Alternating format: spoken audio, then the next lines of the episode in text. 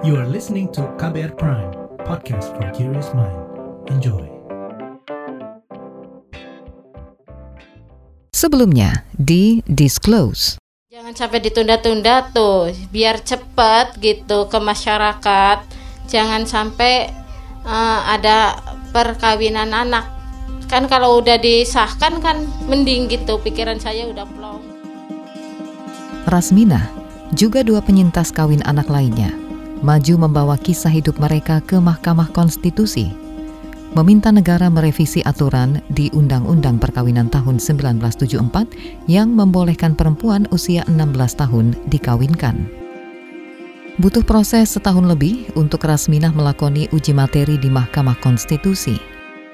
Akhirnya, ia tiba juga di hari sidang putusan. Rasminah gelisah. Apa keputusan hakim atas permintaan uji materinya? Iya duduk di depan terus keringat terus cucuran waktu itu ya Allah nggak bisa bayangkan gitu. Apakah ini berhasil menyetop kawin anak seperti yang diperjuangkan Rasmina? Halo, saya Malika. Kamu mendengarkan Disclose dari KBR.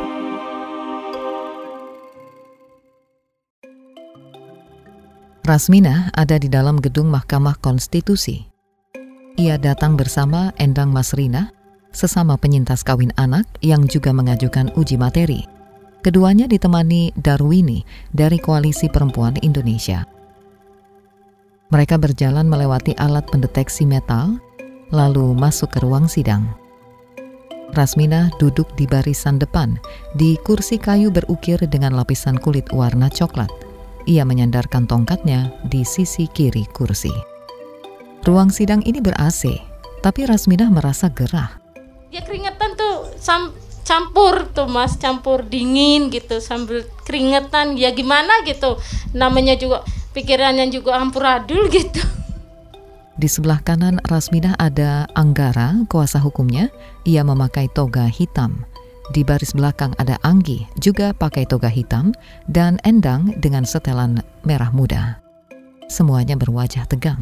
Uh, saya sama Bang Anggara cuma waktu itu ya udahlah santai udah pokoknya kita udah gitu aja tapi kami lebih ke menguatkan kawan-kawan pemohon karena dihadirkan ada Mbak Endang dan Mbak Rasminah waktu itu kami hadirkan hadirin dimohon berdiri yang mulia Majelis Hakim Konstitusi memasuki ruang persidangan. Delapan hakim Mahkamah Konstitusi satu persatu masuk dan duduk di deretan kursi hakim. Mereka menghadap ke arah pengunjung sidang yang hadir di sidang terbuka ini. Sidang dibuka dan dinyatakan terbuka untuk umum. Ya waktu di sidang juga saya tuh Pak gimana gitu? Bilangnya saya nyantar ditanya apa udah Mbak mah diem aja biar saya aja yang ngomong katanya Mbak mah. Kalau ditanya tuh biar iya iya aja gitu ya udah gitu. Tapi tetap aja mas gimana? gitu. Pikiran saya tuh kacau balau gitu yang lihat apa hakim-hakim banyak itu ya sampai 12 apa 3, 9 kan ya. Hakim Mahkamah Konstitusi memulai sidang dengan membacakan kisah para pemohon uji materi, termasuk cerita dari Rasmina. Ya itu, justru itu. Cuma dibilangnya gitu, udah tenang aja Mbak Ras katanya. Wis, itu. Udah tenang-tenang aja kalau derdek minum gitu. Kalau ininya jantungnya gemeter minum. Ya disuruh minum aja gitu. Ini katanya eh mbak wis tenang tenang baik mbak mah katanya. Kan ada ininya katanya. Ada pengacaranya pengacaranya mbak Rasmina katanya. Terus yang ngomong juga bukannya mbak Rasmina katanya. Yang ngomong tuh ini pengacaranya gitu. Terus ada pendampingnya mbak Ras ya ya itu ya apa namanya pendamping apa banyak lah kayak itu Mbak Rasma yang tenang-tenang aja katanya gitu. Kenapa kita nunggu-nunggu hasil dengan antara apa optimis dan nggak optimis? Kita karena proses sebelumnya kan nggak meyakinkan tuh. Hakim mengutip data UNICEF Badan PBB untuk anak-anak soal resiko kematian bagi perempuan yang melahirkan di usia 15 hingga 19 tahun. Ada juga data WHO, Badan Kesehatan Dunia, soal kehamilan dan melahirkan sebagai penyebab utama kematian remaja usia 15 hingga 19 tahun. Hakim juga menyebut soal Indonesia yang sudah meratifikasi perjanjian internasional untuk penghapusan segala bentuk diskriminasi bagi perempuan. Anggi sesekali mengedarkan pandang ke sekeliling ruang sidang. Ada banyak jurnalis. Anggi bertanya-tanya, apakah mereka datang untuk sidang putusan ini atau untuk enam putusan lain yang juga dibacakan di hari yang sama. Hakim mulai membacakan putusan. Amar putusan mengadili Anggi menggenggam tangan Endang, penyintas kawin anak yang juga mengajukan uji materi bersama Rasmina. Terus dia cuma genggam tanganku gini kan karena kami duduk sebelahan gitu. Mbak ini punya kita, kita dengerin ya gitu apa ininya gitu. Mengabulkan permohonan para pemohon untuk sebagian. Dua, menyatakan pasal 7 ayat 1 sepanjang frasa usia 16 tahun Undang-Undang Nomor 1 Tahun 1974 tentang perkawinan bertentangan dengan Undang-Undang Dasar Negara Republik Indonesia tahun 1945 dan tidak mempunyai kekuatan hukum mengikat. Hakim menerima permohonan uji materi yang diajukan Rasmina dan dua penyintas lainnya. Menurut Hakim, mengawinkan perempuan di usia 16 tahun itu melanggar konstitusi. Mahkamah Konstitusi juga menugaskan pemerintah dan DPR menentukan batas usia minimal perkawinan. memerintahkan kepada pembentuk undang-undang untuk dalam jangka waktu paling lama tiga tahun melakukan perubahan terhadap Undang-Undang Nomor 1 Tahun 1974 tentang perkawinan, khususnya berkenaan dengan batas minimal usia perkawinan bagi perempuan. Nah saat itu eh, Mbak Endang tuh cuma pegang tangan saya terus Mbak itu kita diterima ya Iya mbak gitu Diucapkan dalam sidang pleno Mahkamah Konstitusi terbuka untuk umum pada hari Kamis tanggal 13 bulan Desember tahun 2018 selesai diucapkan pukul 10 lewat 37 WIB oleh delapan hakim konstitusi. Pembacaan putusan telah selesai. Dengan demikian sidang selesai dan ditutup. Hadirin dimohon berdiri. Yang mulia Majelis Hakim Konstitusi meninggalkan ruang persidangan.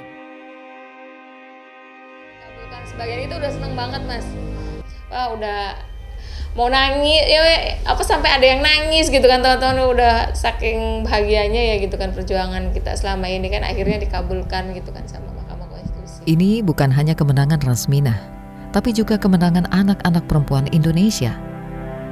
Di luar ruang sidang, Rasminah dan Endang langsung berpelukan dengan Anggi, Anggara, dan Darwini.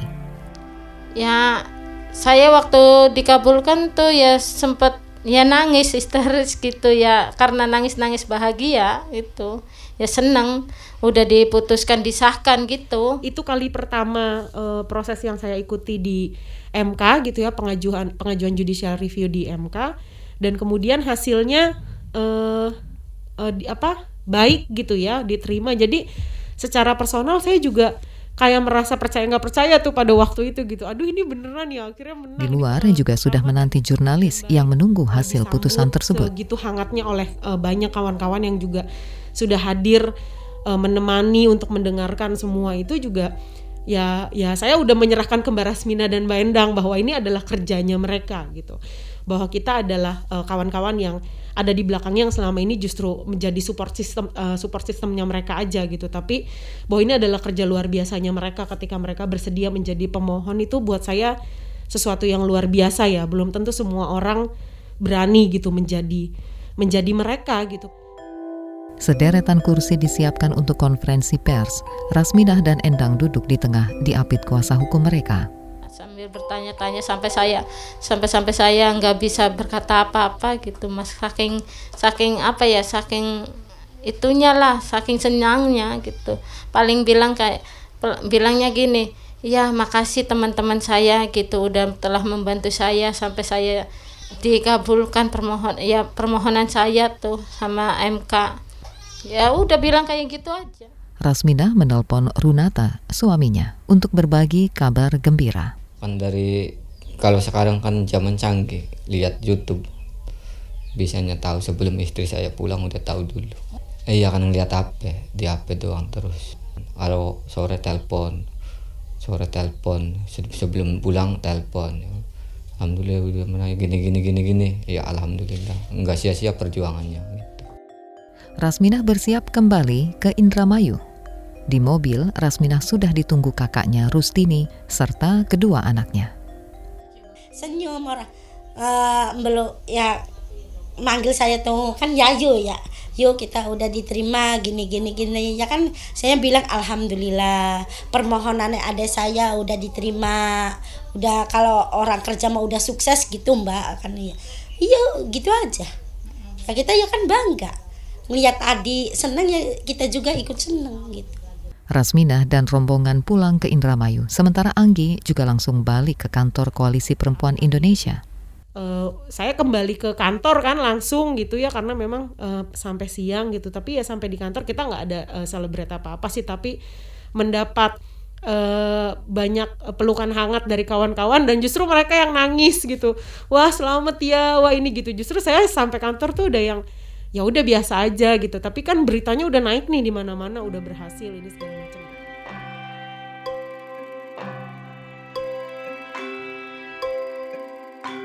Empat tahun setelah putusan bersejarah itu keluar, salah satu hakim MK, Saldi Isra mengungkapkan dinamika di antara hakim saat akan membuat putusan, terutama soal dispensasi alias pengecualian situasi yang memungkinkan kawin anak tetap terjadi. saya mau ceritakan eh, satu hal. Putusan soal menaikkan usia pernikahan itu lama sekali kami selesaikan. Jadi setelah menimbang apa dampak buruk dan segala macamnya, bagaimana ini dilihat dari hukum Islam dan segala macamnya. Akhirnya setelah berkali-kali, ini lebih dari 20 kali kita mengadakan RPH baru sampai pada titik oke, kita kabulkan. Kan ada debat boleh nggak? Kalau Islam kan begini dan segala macam. Nah kami mengatakan ini penting untuk kepentingan apa? Pendidikan salah satunya tapi kita mengatakan umurnya dinaikkan tapi kita tidak menutup ada pasal lain yang membuka pintu kalau ada keadaan tertentu dispensasi nah itu jadi umur dinaikkan tapi pintu dispensasi tetap dipertahankan kenapa Memang ada kondisi real yang mengharuskan itu tidak terpenuhi. Tapi Anda harus datang dulu untuk mendapatkan dispensasi itu kepada yang berwenang memberikan dispensasi. Nah, itulah salah satu fungsi hukum yang disebut rekayasa sosial itu.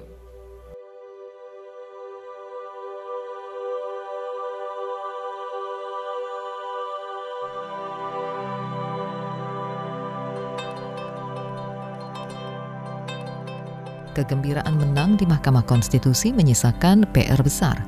Harus ada revisi di Undang-Undang Perkawinan soal batas usia kawin minimal.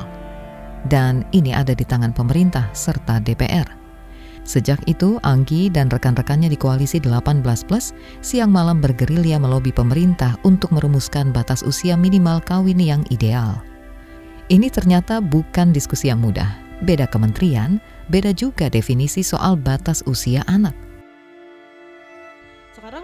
Kesehatan ya dia konteksnya jelas bicaranya dalam konteks kesehatan gitu. Tentu menurut penelitiannya bahwa eh, kesiapan secara reproduksi perempuan adalah di 21 tahun. Tapi kalau dari konteks eh, perlindungan misalnya batas usia yang pantas misalnya anak memiliki eh, memiliki eh, administrasi kependudukan apakah di usia 18 tahun apakah di usia 17 tahun sebenarnya kan itu aja masih jadi polemik tuh Eh, kenapa ada keluar tuh usia anak 0 sampai 18 tahun kenapa adminduk jadi 17 tahun misalnya usianya? Kenapa undang-undang pemilu nggak ada tuh batasan usia sepanjang dia udah nikah dia udah boleh milih gitu kan? Itu kan aneh kan? Maksud saya kok kebijakan kita nih nggak ada yang sinkron? Semuanya berantakan sesuai kayak jadi semau-mau siapa yang susun gitu Anggi juga ikut melobi dan berdiskusi dengan sejumlah anggota DPR untuk memuluskan pembahasan revisi tersebut.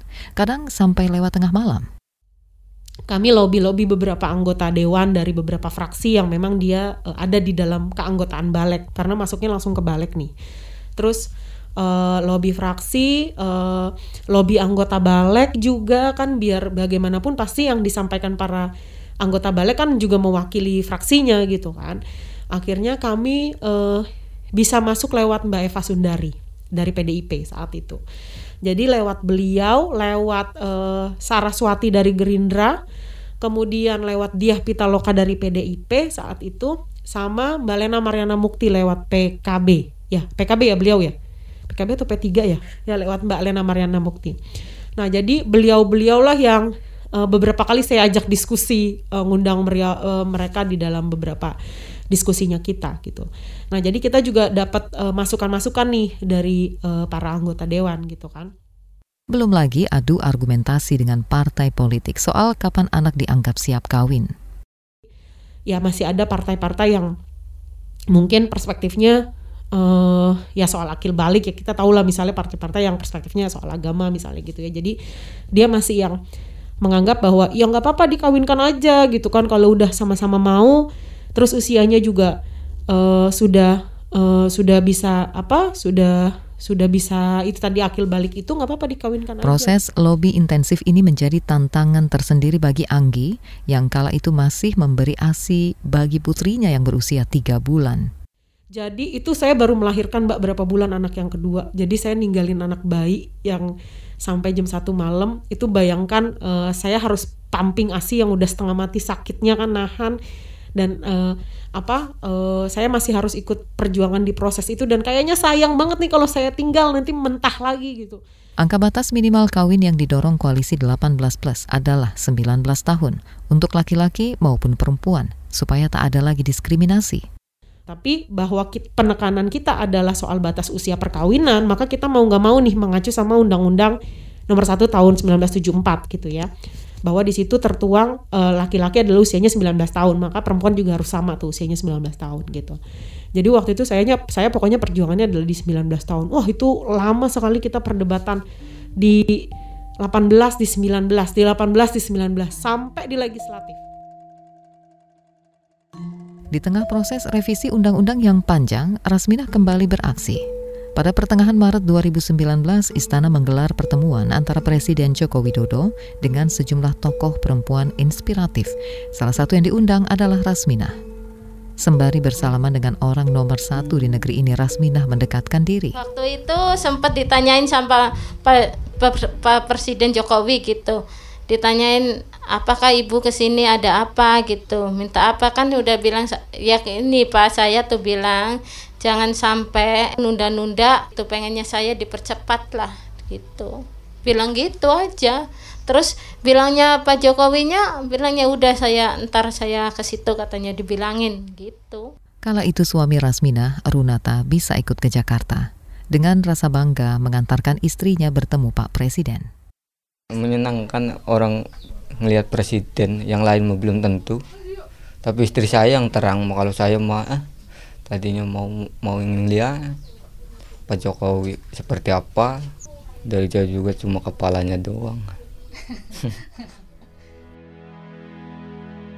Di DPR, proses legislatif perubahan Undang-Undang Perkawinan tahun 1974 terus bergulir. Karena para fraksi tak kunjung bersepakat soal angka batas kawin minimal bagi perempuan, maka terjadilah proses voting. Terus akhirnya uh, voting pada hari itu. Uh, setel, selesai selesai pan, uh, rapa raker dengan pemerintah akhirnya voting uh, pertemuan berikutnya. Voting dari 10 fraksi 7 fraksinya menyatakan setuju dengan usia 19 tahun meskipun ada beberapa fraksi dengan catatan. Tiga fraksi lainnya tidak setuju tapi sudah quorum. Dari 10 fraksi yang ada 7 7 suara sudah quorum mewakili suara itu di hari yang sama, 16 September 2019, DPR menggelar sidang paripurna. Sidang dipimpin Wakil Ketua DPR saat itu, Fahri Hamzah. Yang terhormat para anggota Dewan, acara selanjutnya adalah pembicaraan tingkat dua pengambilan keputusan terhadap rancangan undang-undang tentang pembahasan atas Undang-Undang Nomor 1 Tahun 1974 tentang perkawinan. Kami persilakan Menteri Hukum dan HAM dan rombongan untuk hadir di ruangan. Pak Menteri diwakili oleh Menteri Pemberdayaan Perempuan sesuai Supres. Kami persilakan. Menteri Pemberdayaan Perempuan dan Perlindungan Anak saat itu, Yohana Yambise, masuk ke ruang sidang paripurna DPR. Badan Legislatif DPR membacakan rangkuman diskusi revisi undang-undang dan menyerahkan hasilnya kepada pimpinan sidang paripurna DPR. Dan selanjutnya sesuai dengan tatip, kami akan menanyakan kepada setiap fraksi atau seluruh fraksi apakah rancangan Undang-Undang nomor 1 tahun 74 tentang perkawinan dapat disetujui untuk disahkan jadi undang-undang. Setuju ya? Baik.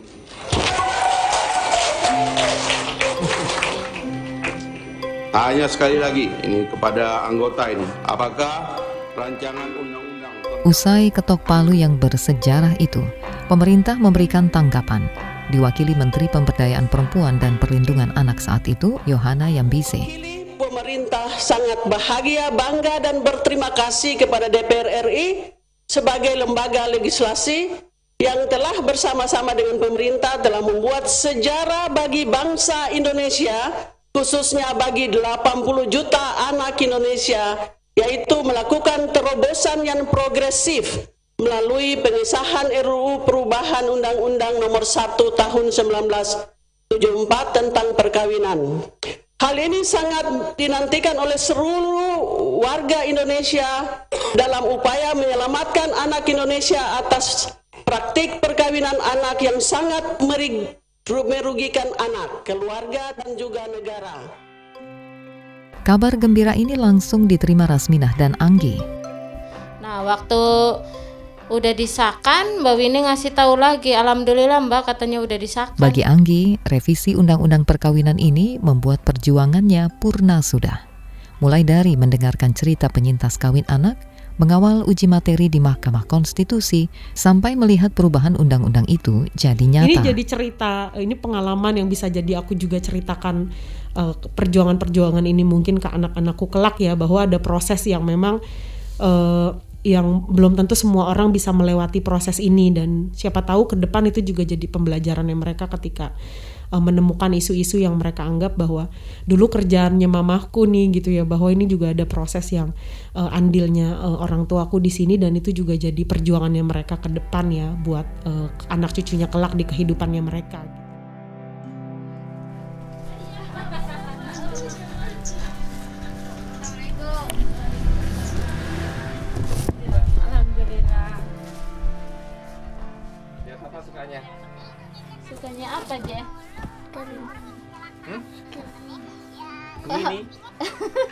Indramayu, hidup kembali berjalan bagi keluarga Rasminah dan Runata serta anak-anak mereka.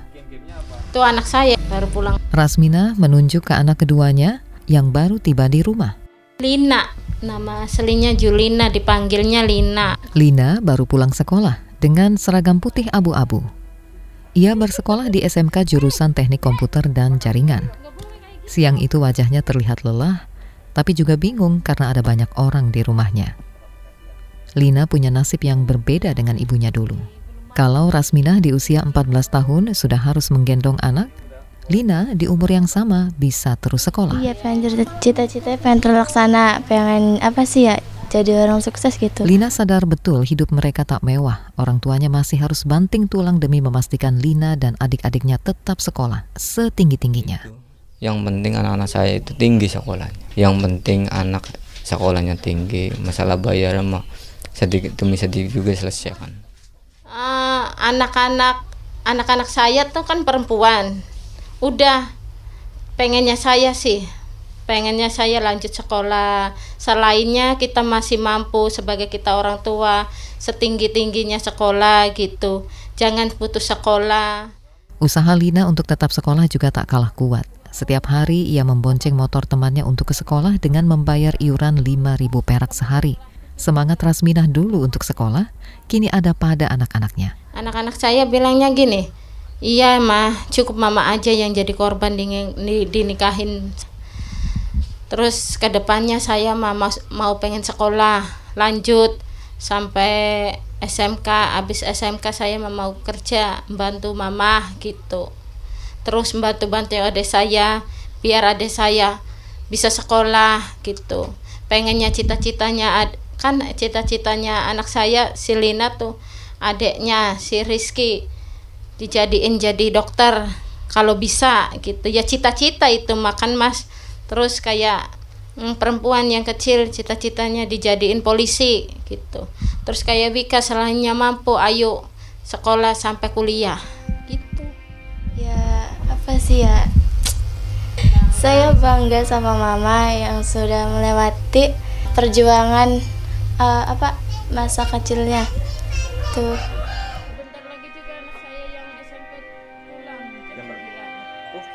Setelah kemenangan di Mahkamah Konstitusi, setelah revisi Undang-Undang Perkawinan, apakah situasinya berubah?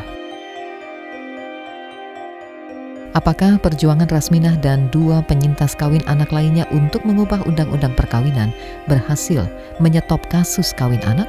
Sayangnya, tidak. Tak lama setelah revisi undang-undang perkawinan anak diketok, justru ada 30 ribu perkawinan anak yang dikabulkan. Ini terjadi pada masa awal pandemi COVID-19 di tahun 2020. Data Bappenas tahun 2021 juga memperlihatkan kalau angka perkawinan anak di 18 provinsi naik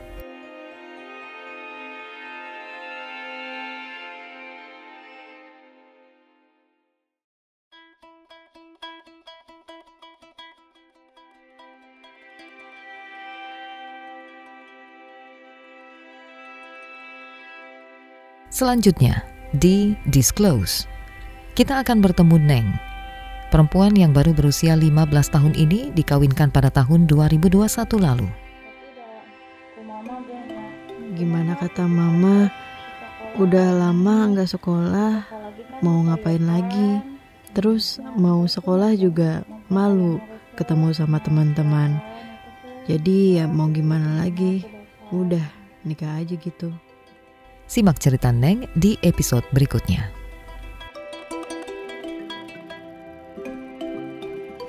Kamu baru saja mendengarkan Disclose, podcast investigasi dari KBR. Kalau kamu suka cerita ini, follow kami dan ikuti terus serial ini. Saran dan komentar bisa dikirimkan melalui Instagram at kbr.id atau email ke podcast at kbrprime.id. Saya Malika, sampai jumpa di episode berikutnya.